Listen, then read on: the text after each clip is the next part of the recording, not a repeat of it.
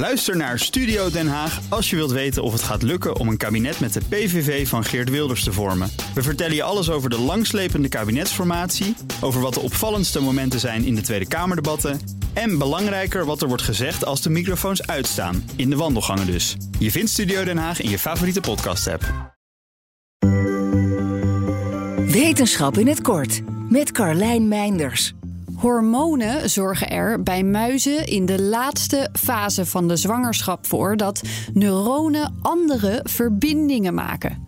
En die veranderingen in het brein zijn mogelijk blijvend, zeggen onderzoekers.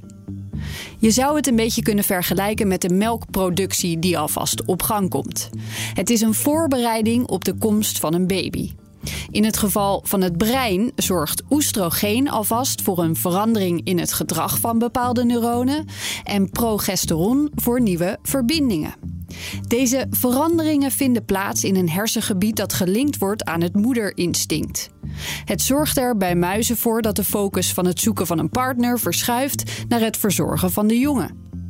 Muizen die neuronen hadden die ongevoelig waren voor deze hormonen, lieten bij de geboorte geen verzorgend gedrag zien.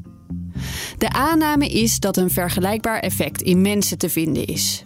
In eerdere onderzoeken naar zwangere vrouwen was op hersenscans ook al te zien dat er veranderingen in hersenvolume en hersenactiviteit plaatsvinden. Veranderingen die lang na de zwangerschap aanhouden. Natuurlijk is het opvoeden van kinderen voor een muis nogal anders dan voor een mens. Zo krijgen wij bijvoorbeeld hulp, informatie en begeleiding. Wat zou kunnen betekenen dat we minder hoeven te rekenen op de effecten van hormonen. Ook spelen er in het mensenlichaam nog veel meer processen een rol bij het moederinstinct. De onderzoekers hopen toch dat deze ontdekking belangrijke inzichten kan geven in het gedrag van ouders en iets als postnatale depressie. Wil je elke dag een wetenschapsnieuwtje? Abonneer je dan op Wetenschap vandaag. Luister Wetenschap vandaag terug in al je favoriete podcast-apps.